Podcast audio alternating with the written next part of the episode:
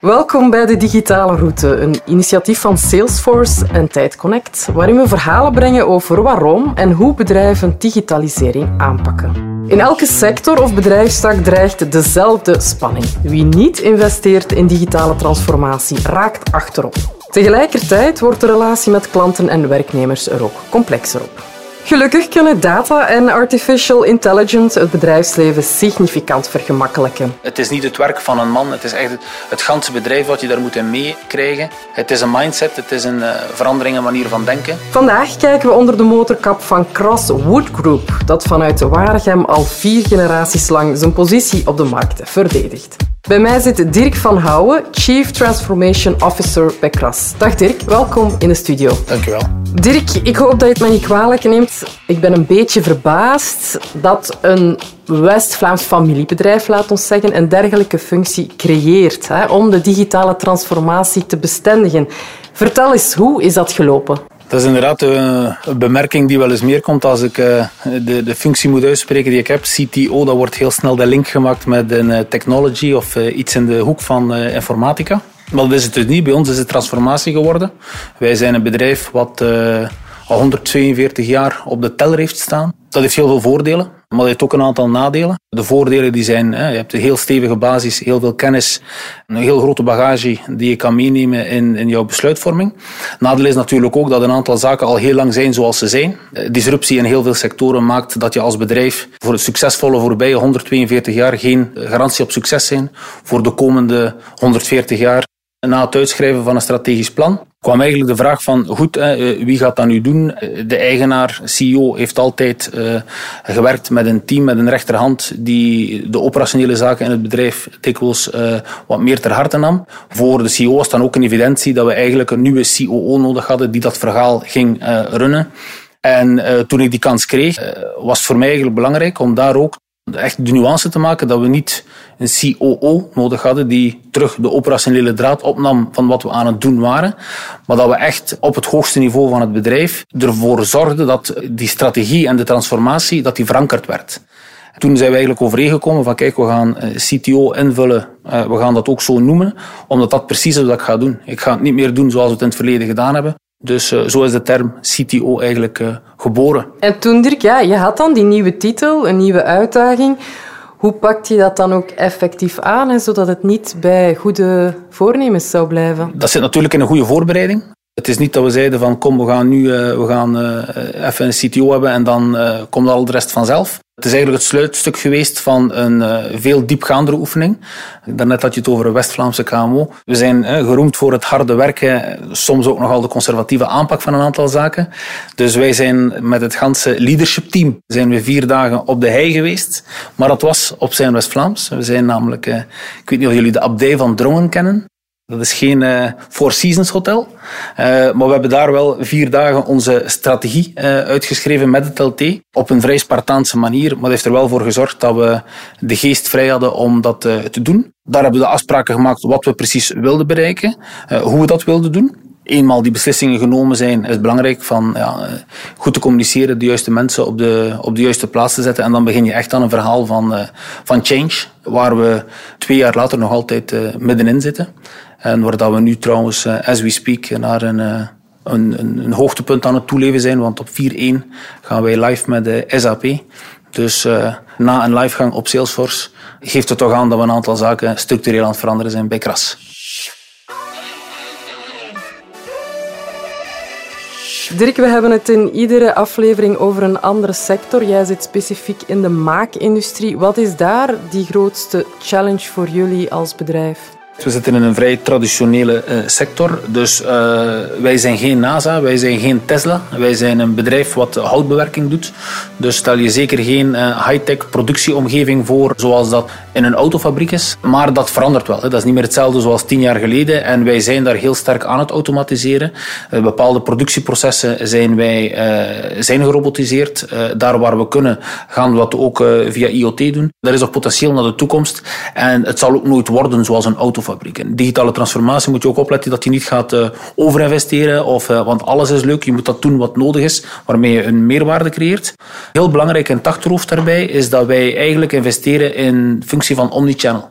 Dus dat we Als wij een geautomatiseerde productielijn zetten, dan gaan we daar ook proberen een, een digitale interface voor te zetten. Zodanig dat mensen die met zo weinig mogelijk tussenstappen die machine kunnen gaan aansturen.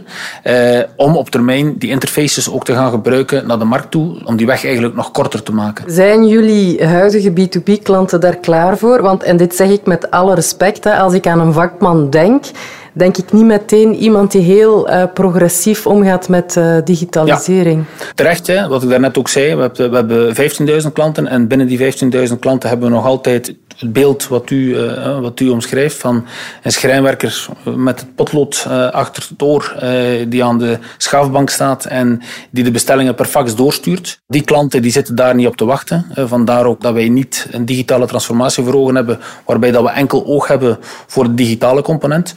Het woord digital is ook uh, iets wat regelmatig is valt. Het is zowel de fysieke benadering, de klassieke benadering in stand houden, maar ondertussen ook het andere spectrum van die klanten gaan bedienen. Er zijn evengoed uh, schrijnwerkers die vandaag al hoogtechnologische machines hebben, die wensen om, zelf al zitten ze op het dak te werken, die van daaruit een bestelling willen kunnen doorgeven. En die klanten, die klantengroep, die zal de komende jaren en decennia enkel groeien. Dus het is klaarmaken voor de toekomst, waarmee dat we zeker niet zeggen dat we de traditionele klanten achterlaten. Integendeel, vandaag zijn die beide groepen uh, voor Kras even belangrijk. En intern, hoe worden daar jouw uh, inspanningen ervaren? Hè? Zowel directie als de gewone arbeider bij jullie? Het is niet het werk van een man, het is echt het ganse bedrijf wat je daar moet in meekrijgen. Het is een mindset, het is een verandering in manier van denken. Als je dergelijke trajecten ook succesvol wilt doen, dan moeten ze ook een stuk van onderuit gevoed worden. Je mag niet de fout maken om beslissingen top-down te nemen en, en ze dan uit te rollen, want dan mis je toch een heel stuk. Dus zo worden die inspanningen ervaren. Ik hoop dat ze wel zien en ik denk dat iedereen zich daarvan bewust is dat Kras uh, een bedrijf is in volle evolutie. Dat dat zeker niet altijd roze geur en maneschijn is. Maar het besef leeft wel dat je dat moet doen om over de berg te geraken en dan uh, de vruchten te gaan plukken van het werk wat geleverd is en daarop te kunnen verder bouwen. We hebben vooraf een stuk een audit gedaan van het bedrijf, hè, samen met een externe partij. En wat er heel sterk uitkwam, is dat Kras eigenlijk een heel sterke bedrijfscultuur heeft. Hè. En die bedrijfscultuur is eigenlijk de basis van alles. Als je, als je daar goed in scoort, dan kan je als bedrijf ook wel iets aan. Het is dan ook belangrijk om eigenlijk aan te stippen dat... Uh, wat wij hier aan het doen zijn, of wat we gedaan hebben, wat we nog altijd aan het doen zijn, dat dat eigenlijk met, uh, vanuit de cultuur is vertrokken. En dat we dat samen gedaan hebben met de mensen die het bedrijf gebracht hebben waar het vandaag staat. Want uh, eh, 142 jaar is niet dankzij digitale transformatie dat we op de teller hebben staan. Dat is dankzij generaties werk hiervoor. Het is eigenlijk samen met die mensen aangevuld dan met uh, bepaalde specifieke profielen die je nodig hebt, die wij vandaag nog niet hadden. En die we vandaag nog altijd aan het verder uitbouwen zijn. Dat we die resultaten gaan halen. Om tot een digitale, om tot eender welke type van transformatie te komen, zijn we eigenlijk uitgegaan van je moet een soort van mentaal conflict creëren. Als je vandaag zegt tegen mensen van oké, uh, we gaan dit en dit en dit doen en dit zal ons uh, toch wel 4 of 10 procent groei opleveren, dan is dat gewoon, uh, ah ja, oké, ja, goed, ja, dat, zal dat wel zeker en dat gaan we dan proberen. Dus wij, wij hebben eigenlijk de doelstelling hoger gelegd en we hebben gezegd van wij willen onze omzet verdubbelen. Dat komt aan. En het gaat eigenlijk ook niet zozeer om die een omzet te verdubbelen. Het gaat er gewoon over dat je op dat moment als bedrijf in een, in een mindset komt waarbij dat je anders gaat denken.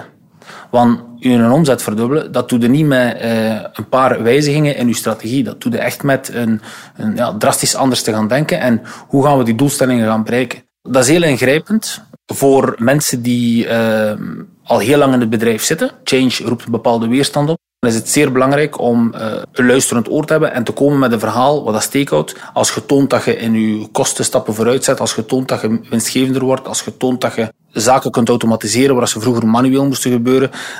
Dat zijn kleine veldslagen die uiteindelijk ervoor zorgen dat je een oorlog kunt winnen. Ik had al een loopbaan van een zevental jaar bij Kras, voor ik eigenlijk die rol van CTO heb opgenomen.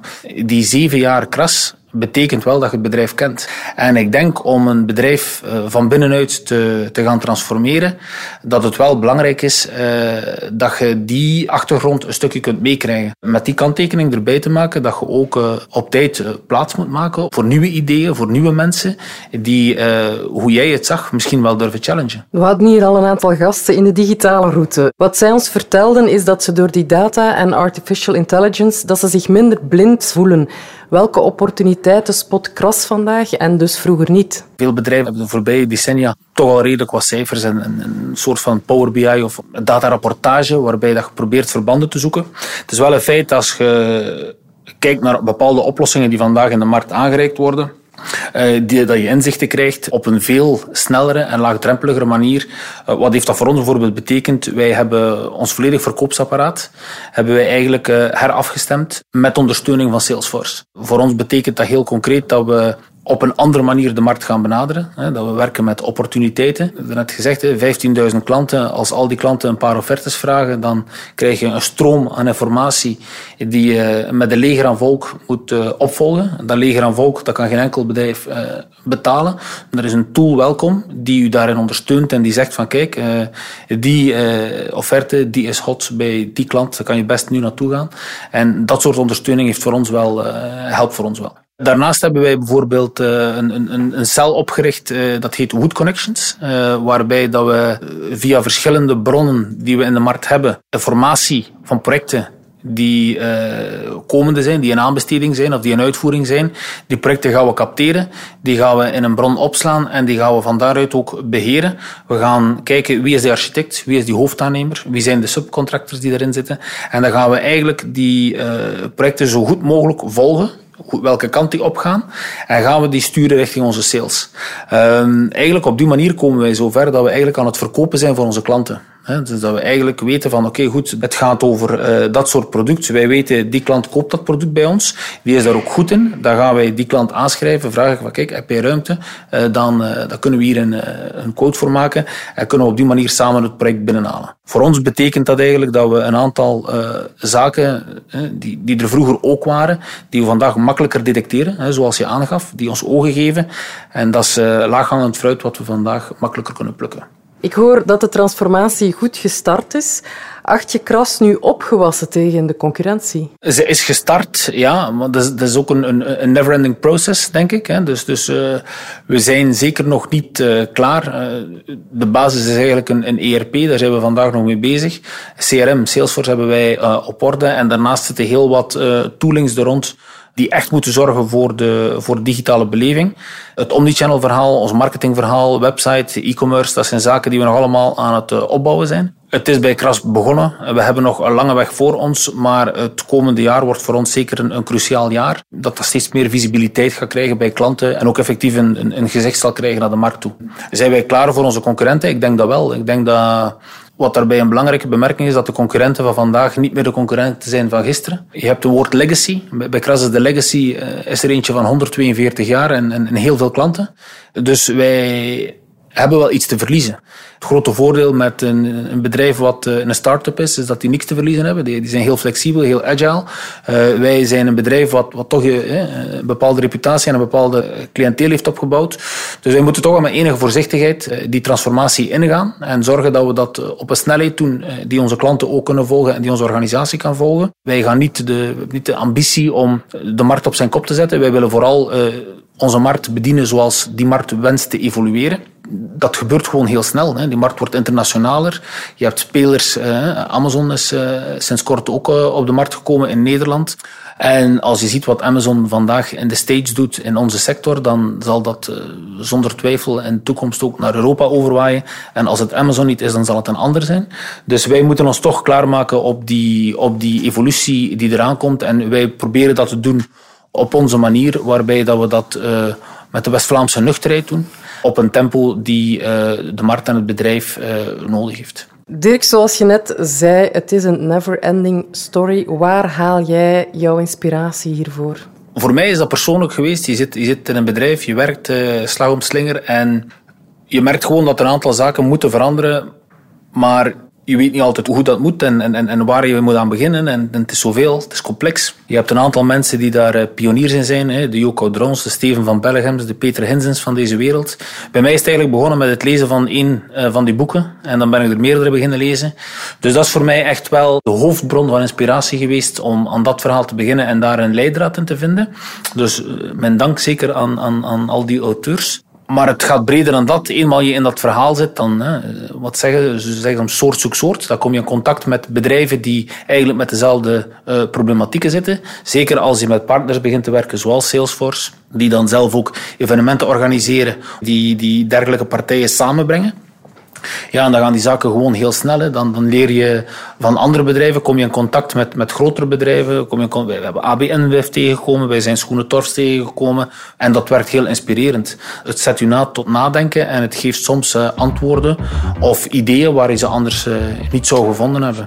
Dus de informatie of de inspiratie die ligt voor het grijpen, maar je moet die aanzet hebben. Dirk, ik ben heel erg benieuwd wat uh, Kras nog uit zijn mouw gaat schudden de komende jaren. Ik wens jullie in ieder geval heel veel succes bij dat huwelijk tussen traditie en transformatie. En laat ons hopen dat we morgen overal vacatures zien verschijnen voor een CTO. Dankjewel. Ik hoop het met u. In de vijfde aflevering van de Digitale Route gaan we in gesprek met Marian Erens van Suez over haar digitale expertise, namelijk het visualiseren van data. Abonneer je dus op onze reeks in je favoriete podcast-app. Graag tot dan en bedankt voor het luisteren.